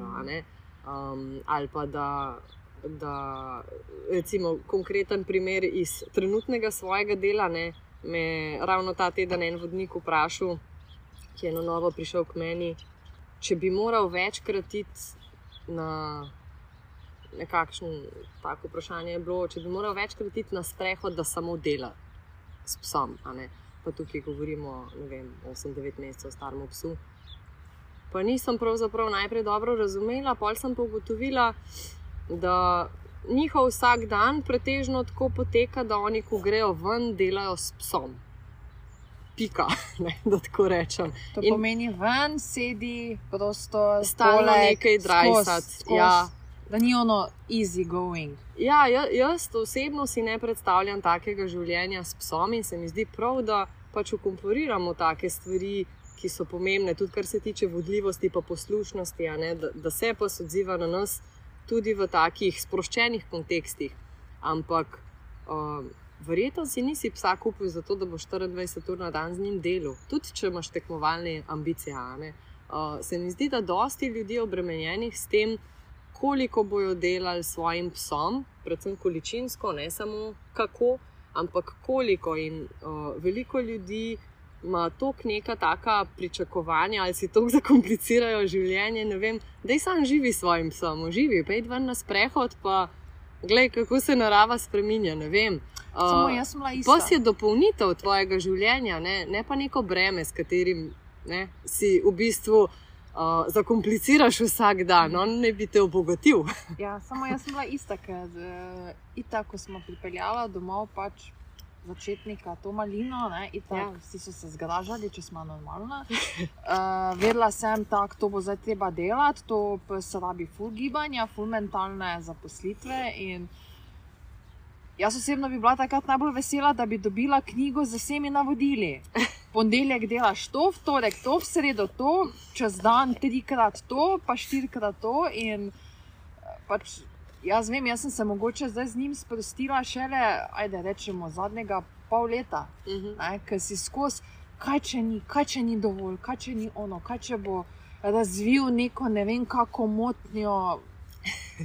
Zmišljujem si postavbo, Ja, ne vem kaj. Ne? In to, kar mi razlagaš, mi je razumljivo, da so ljudje verjetno zelo zmedeni. Ampak to je spet zato, ker danes je na Googlu vse, danes je na Instagramu vse, vidiš. Stoji na različen profil, vsak ja. Ja. je najbolj pameten. In, Ja, a, pol pa še grejo mogoče v, v, v družbo ljudi, Ja. ki jim to potencirajo, ja. pa mogoče se še za tako šolo hote ali ne hote odločijo.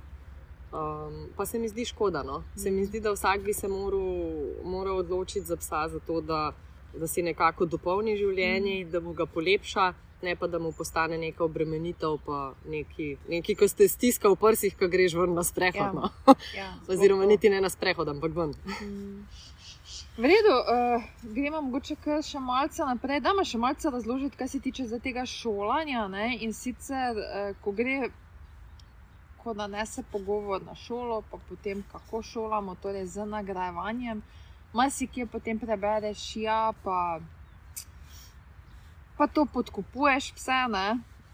Zdaj, kako zdaj ljudem razložiti, da če ti, daš, če ti rečeš psu en ukaz in ga zato nadgra- nagradiš z priboljškom, da to na vse zadnje ni podkupovanje. Ne?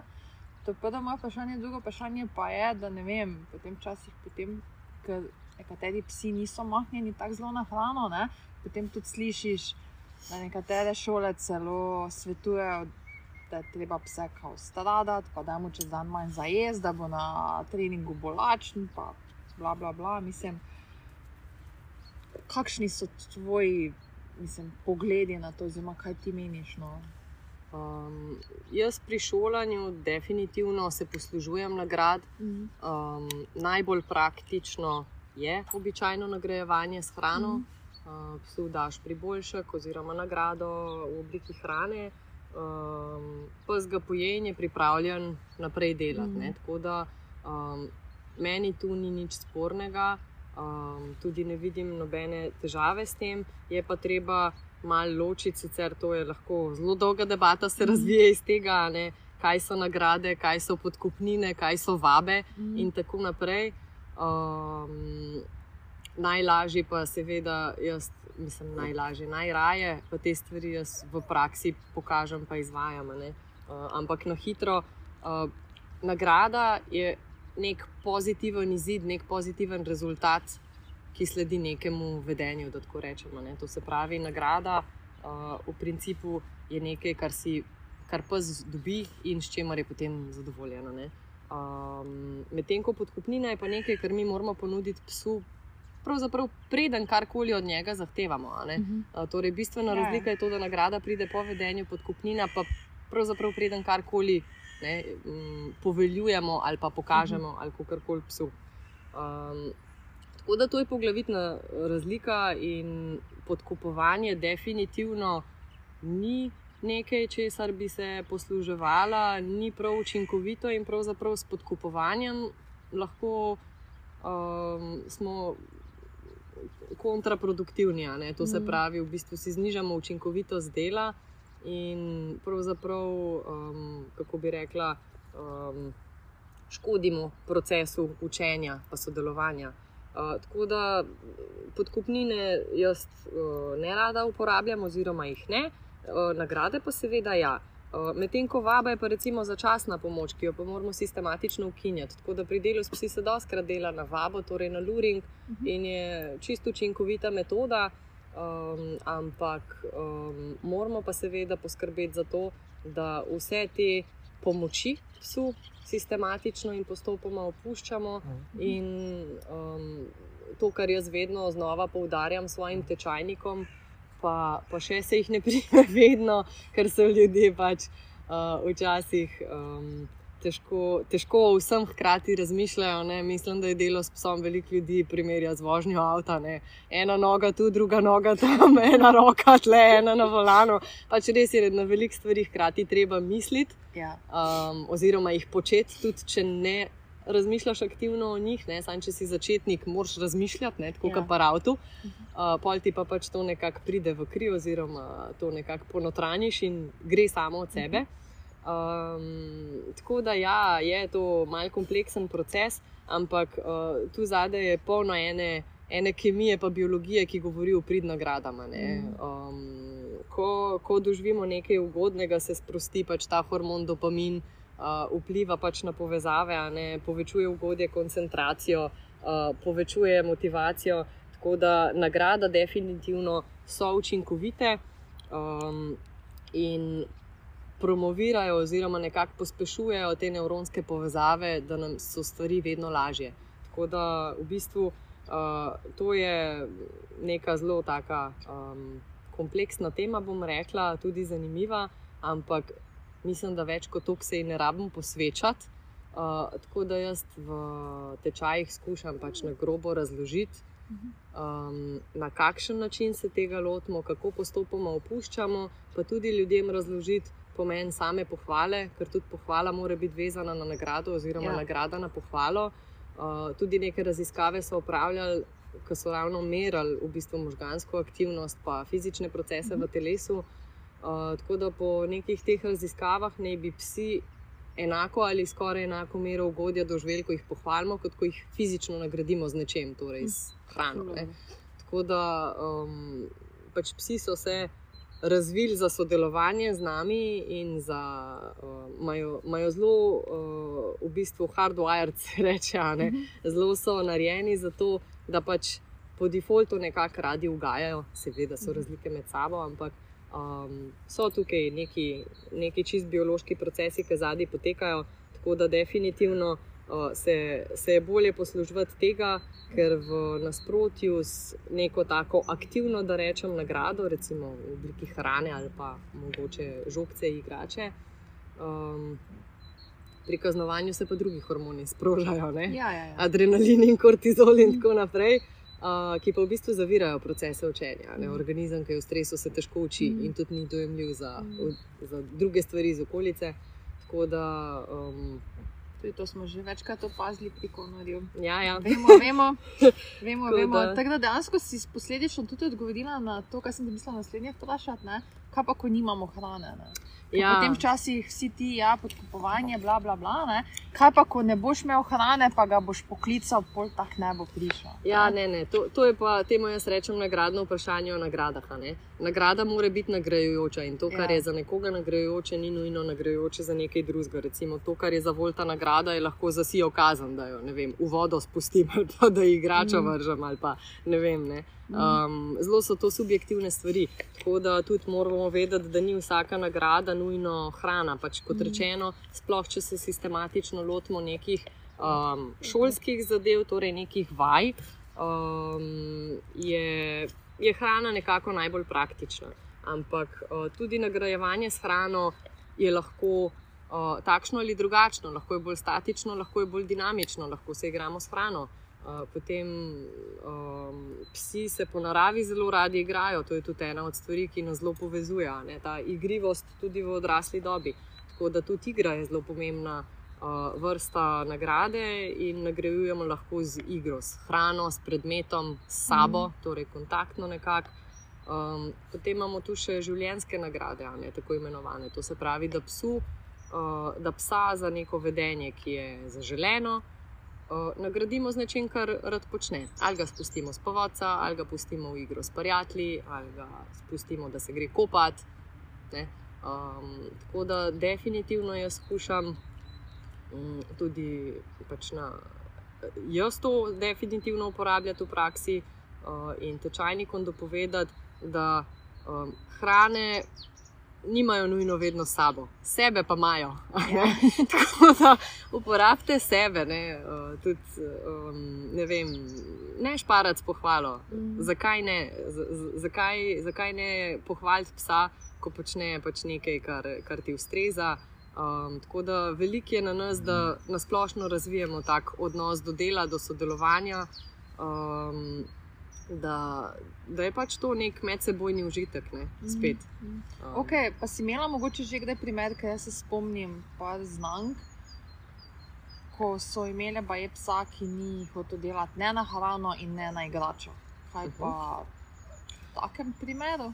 Um, sicer včasih je za ljudi, torej za vodnike, je lažje, če najdemo neko plastično, da tako rečem, nagrado. To se pravi, tudi ljudje so dosti krat zelo nekreativni glede izbire same hrane. Uh mhm. -huh. Velikrat dobim pač tečajnike, ki pravijo, da ja, mojega hrana ne zanima, če med drugimi psi. Pa, pa pridem jaz, pa moja čarobna torbica, pa so kar naenkrat vse surle prmene. Um, pač to, da ti prideš z nekim posušenim starim briketom, seveda psa ne bo motiviral, ko je v bližini drugih psov. Težko težko bo prevladalo. Pač dejstvo je, da so stvari relativne in mm. tudi nagrade so relativne glede na okolico, torej glede mm. na konkurenco, da tako rečem. Mm. Um, tako da, ja, dosti krat je to ta. Um, um, Kako bi rekla, mat, matematična formula. Ne? Če imaš ti nagrado vrednosti 4, ja. pa je okolica 10, potem se ti verjetno ne bo išlo. Kako si kreativen pri izbiri, ne? Ja, torej, definitivno. Hrenovke, itd. Ja, pa se pravim, pa fajn je to zapakirati v neko malce bolj kompleksno stvar, zaradi mm. tega, ker dosti krat uh, se pa celo zgodi, da imam jaz enako nagrado kot jo ima vodnika. Ne? To se pravi, enak priboljšek, pa se pa se bo name odzval na vodnika, pa ne. Tako da gre tukaj za en komplet stvari, tudi s kakšno energijo ti pristopiš mm. k psu, z intonacijo. Pač psi so zelo uh, dovzetni za različne tone, za način gibanja. Uh, pač oni zelo, zelo veliko stvari poberajo, zelo veliko informacij oni dojamejo iz okolice, ne, ja. svoje žive in nežive. Uh, tako, da, tako da je fajn, da se tega malo zavedamo. Drugače pa. Pa berejo nas zelo. Ne. Ja, zelo nas berejo, skozi nas spremljajo. Um, tako da, kar se tiče učenja določenih vaj oziroma šole. Um, Se seveda znajdemo lahko tudi drugače. Jaz, če kdaj kdo zatrokira, nekakšen pes, tudi rečem, da jim sicer ponudijo hrano, tudi če ne vzamenega, pa pohvalijo, potem pa odvisno od situacije pač postopamo. Veliko krat se pa zgodi, da recimo sploh, če imamo opravka s kakšnimi, da, da tako rečem, reaktivnimi psi, ne, in če se lotevamo takih um, izzivov, torej reševanja takih vedenskih um, težav, kot so pač, vem, slaba toleranca do drugih psov ali pa na mhm. ljudi, take stvari pa dosti krat tako ali tako hrana ni učinkovita. Ampak to je tudi dober pokazatelj, da je situacija preveč stresna. Če pa ne sprejme hrano, ki jo mhm. sicer sprejme, smo očitno preveč v rdeči coni. Uh, in je to pač dober znak, da moramo iti malo nazaj. Um, drugače pa v takšnih situacijah tudi doskrat, uh, sploh če je, uh, če je tudi pes, recimo fizično močan, je fajn, da imamo ne? da smo z glavo pri stvari in z obema rokama pri stvari, da tako rečem. Včasih se nam nagrajevanje s hrano dejansko ne izide, mhm. ampak tu se pa spet poslužujemo pohvale, poslužujemo se življenjskih nagrad, pozitivnih, um, pozitivnih rezultatov. Um, in potem vedno ti lahko psa pohvališ, vedno lahko povečaš razdaljo, vedno lahko malo potečeš s psom. Skratka, ne, hočem reči, nagrade so veliko več kot samo priboljšek. Mm, pa igrače, oziroma žogica. Ja. Zdaj, ravno o tem, kar smo se pogovarjali, mogoče potem, ko je moje naslednje vprašanje, kaj se tiče samih metod šolanja. Ne? Vemo, da tekom 10-15 let so se zelo spremenili. Ne? Včasih so v šoli uporabljali vem, povodec za te znovratnico, ne vem, če so bile že, zdaj da nam nekaj glupega, ampak ne vem, kako je bilo z opisnicami. No? Ogromno je bilo neke sile, ne? zdaj kako je zdaj s tem. Ne? Mislim, se mi zdi, da so zadeve šle kar naprej. No? Se mi zdi, da že to, kar se zdaj pogovarjava, so metode precej bolj humane, ne? ni nekih, naj ne bi bilo nekih bližnjic ne? in povzročanja bolečine. Mislim, Uh, definitivno večina dela s psi poteka verjetno drugače, kot mm. je nekoč potekalo. Tudi psi so drugačni, kot so bili nekoč. Um, zaradi tega, ker živijo drugačno življenje in ker je tudi veliko več pasem, s katerimi se nekoč ni delalo, pač niso bile prisotne. Um, verjetno je 20 let nazaj bilo večina tečajev vse vemo, ne, ne vem, nemški očari, kakšen boxer, šnaucer, mm. rottweiler, uh, nekaj lovskih psov. Zdaj pa imaš v enem tečaju lahko deset pasenskih skupin, ja. FC-ji zastopanih. Ja. Uh, tako da to se je spremenilo. Um, Po drugi strani smo pa mogoče izgubili malo kmečke logike. da pes ni človek. ja, da pes ni človek. Um, vse to jaz rada rečem, ne? da pes nikakor ni človek, ampak se ne rabi biti, pa s tem ni nič narobe. Ne? Jaz imam svoje pse za pse, čeprav rečem, da so družinski člani. Uh, moji psi so boljši kot marsikateri človek, krajši jih imam. Ampak ni nič narobe s tem, da niso človeki. Um, tako da ja, ne. Um, Rekla bi, da večinoma se verjetno res dela drugače. Jaz vseeno, ne glede na to, da nisem ravno od včeraj v kinologiji, ne morem reči, da sem 40 let, um, še tako stara nisem. Ampak um, sem pa vseeno že dovolj dolgo, da, da tudi v času, ko sem jaz aktivna, ne vidim pač razliko. Um, drugače pa, ja, ravnati se moramo v, v, čisto v osnovi, pač po zakonu, zakon prepoveduje uporabo pač takih uh, pripomočkov, ki povzročajo bolečino. Uh, tako da um, ja, določena oprema je prepovedana, kar ne pomeni, da je ni. Ja, um, dejstvo pa je, da vsako opremo lahko tudi zelo rabiš. Tako da tudi z navadno platneno vratnico, mm. najlonsko vratnico lahko ti psa vlečeš, cukaš, mu škoduješ, mu povzročaš nelagodje. Um, tako da ni, ni sama oprema vedno kriva. Um, moramo pa tudi vedeti, da ni vsaka oprema za vsakega psa, mm. pa tudi ne za vsako situacijo. Mm. Mm. Um, je pa mogoče tudi, uh, tudi jaz to zaznam, mogoče od. Um, uh, od ljudi, ki pridejo do mene, ali so to kakšni znanci, prijatelji, ki so o tem slišali, ali pa so sami to doživeli, če so pač v tako šolo hodili, oziroma um, k takemu inštruktorju. Je po drugi strani pa veliko um, metod, kjer se poslužujejo res ekstremno.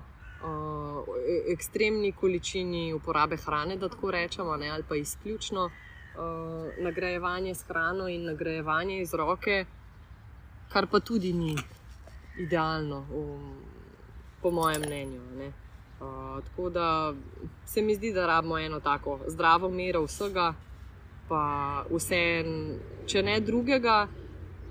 Kot rečeno, kot so že prej rekli, je toliko informacij na voljo, da glede na to, da se vsak izobrazi, pa si verjetno prebere kar nekaj reviewjev, pa informacij, preden se odloči za avto ali pa za telefon ali pa za fotoaparat.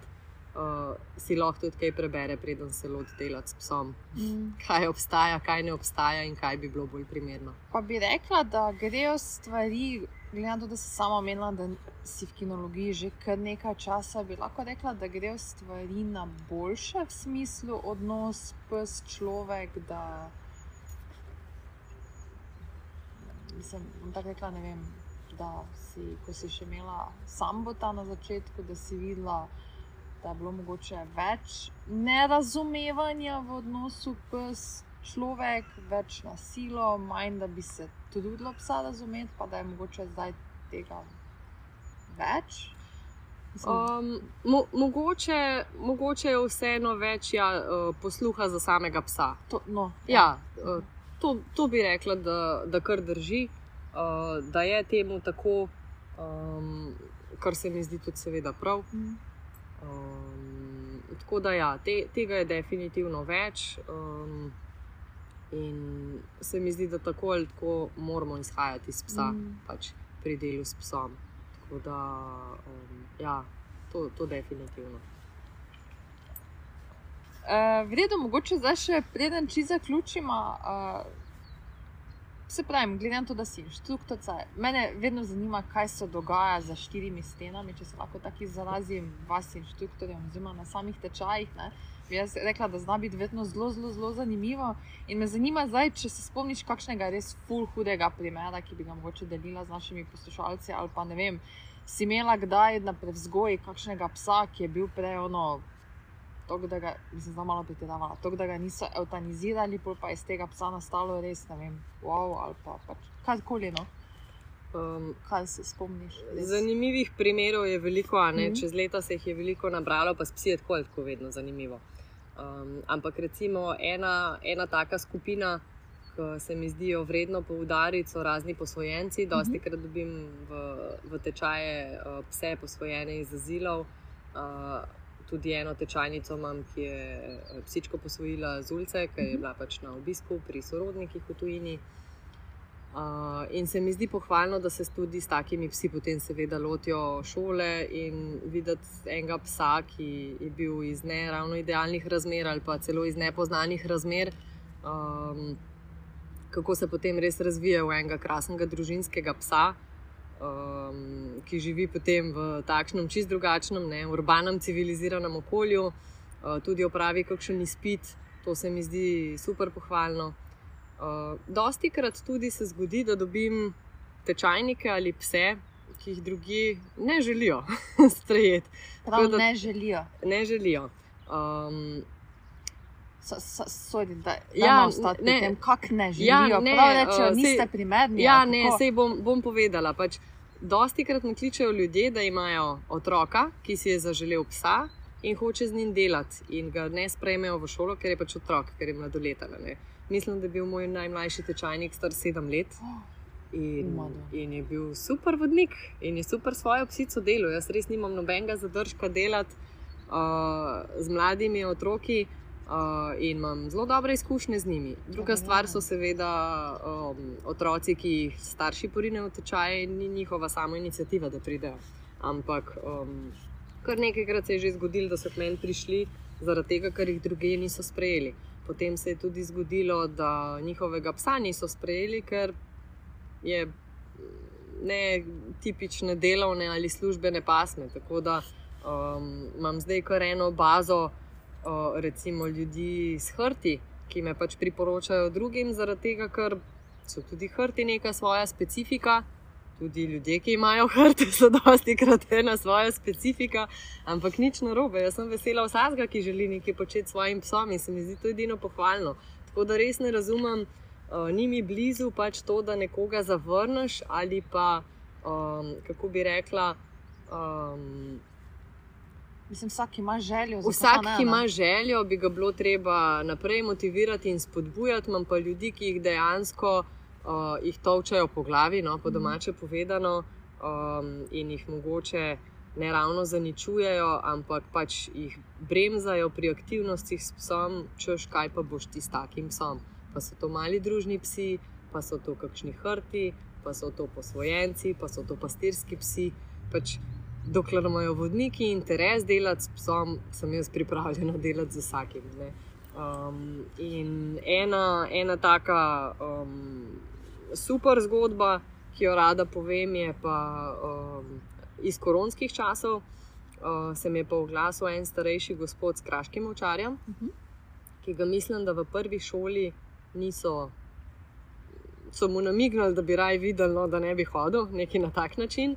Uh, ko se je pa prijavil v drugo šolo, se je pa uh, začela ta koronska situacija in niso začeli tečaja. Uh, no, in gospod se je pa bal, kaj bo z mladim kraškim ovčarjem v takem občutljivem obdobju, pa da on noč ne bi počel. Um, in je pač se obrnil name preko neke skupne znamke, in sva mi dva začela s telefonskimi pogovori in z maili.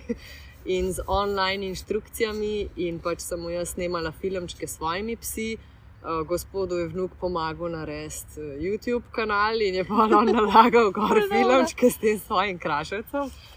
In je to res taka zgodba, da če en starejši, res starejši gospod s kraškim očarjem se tega lot, res ne vem, res ni zadržka, da, da se kdorkoli ne bi pač lotil delati s svojim psom in ker so ljudje pol, uh, se kdaj sekirajo, da se online ne da ali kako koli, res se marsikaj da, če se hoče. In Ja, ta gospod, ta gospod se je s tem kraševcem potem lotil.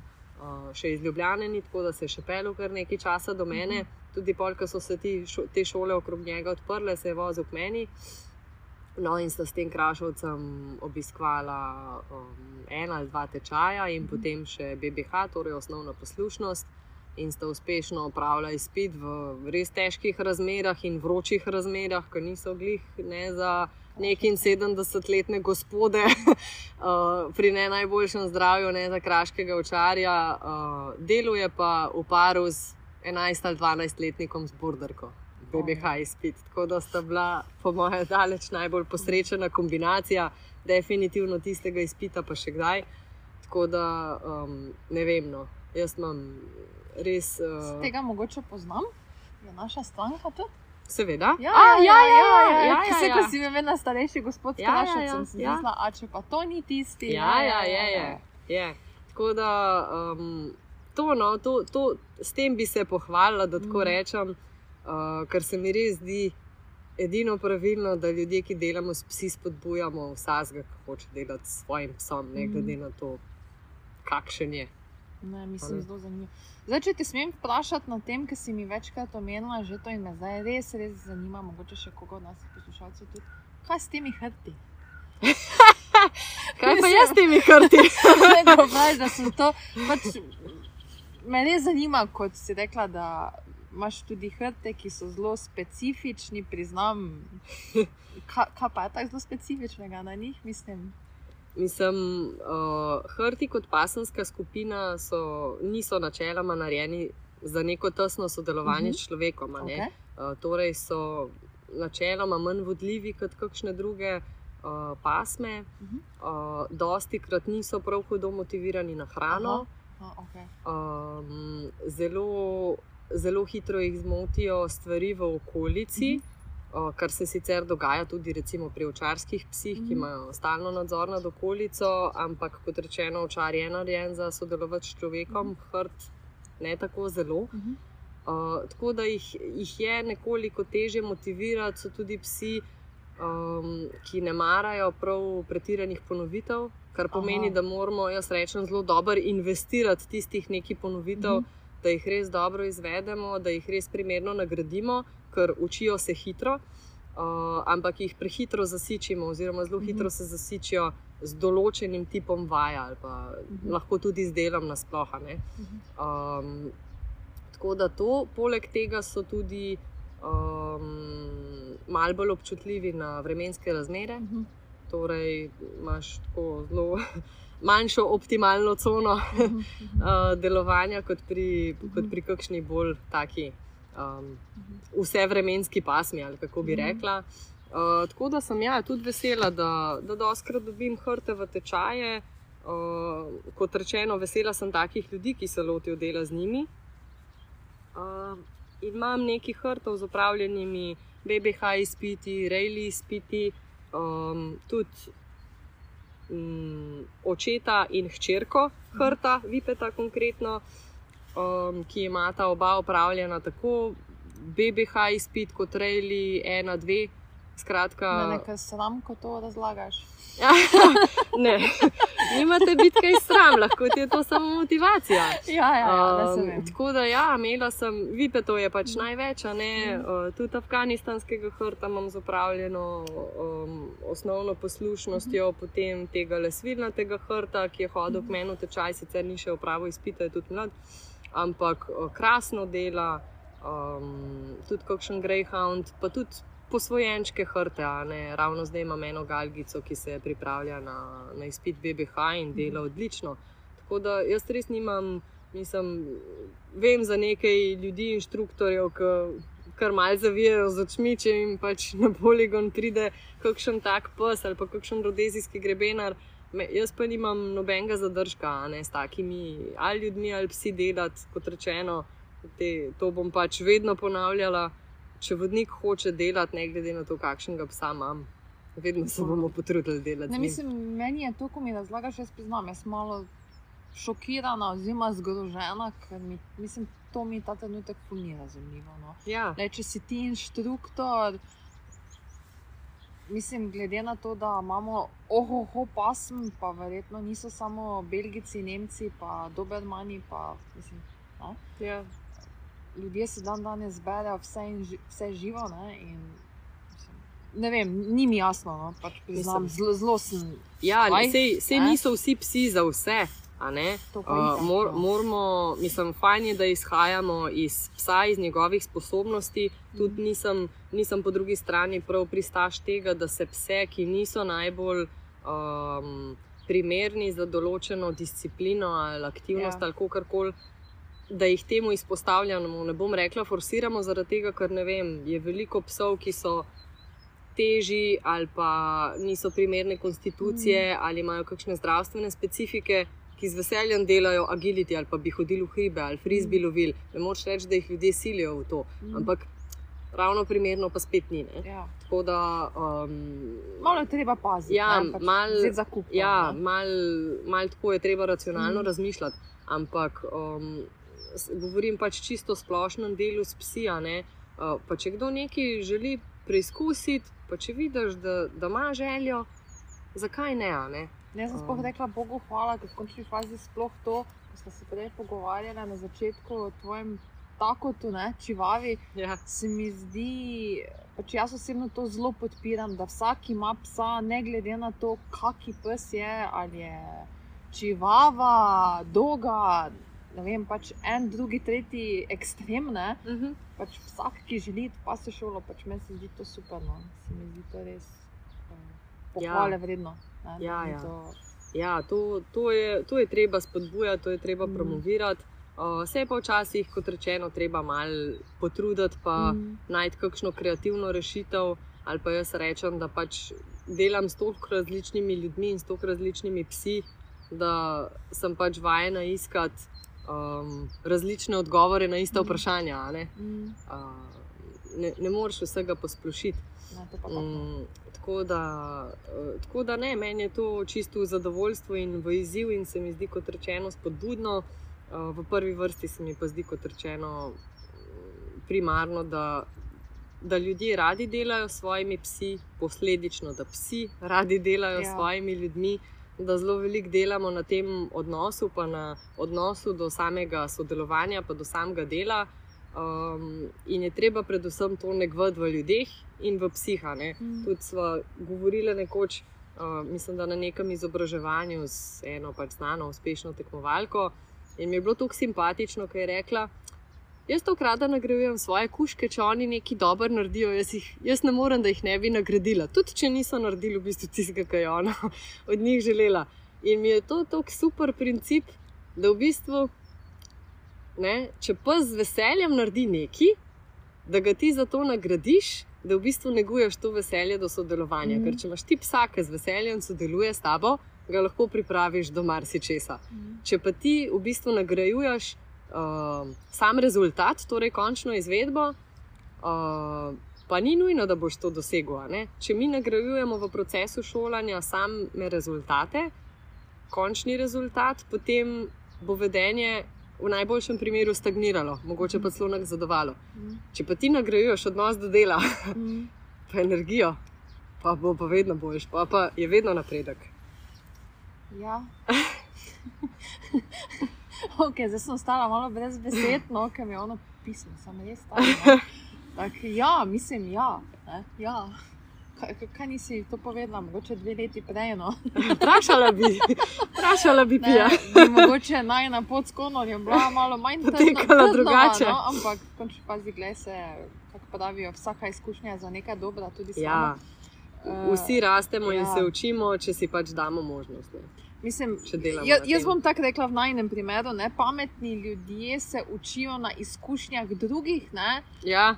Um, neumni, pa ne vem. No. Pustimo zdaj, ne? kaj pa že ne.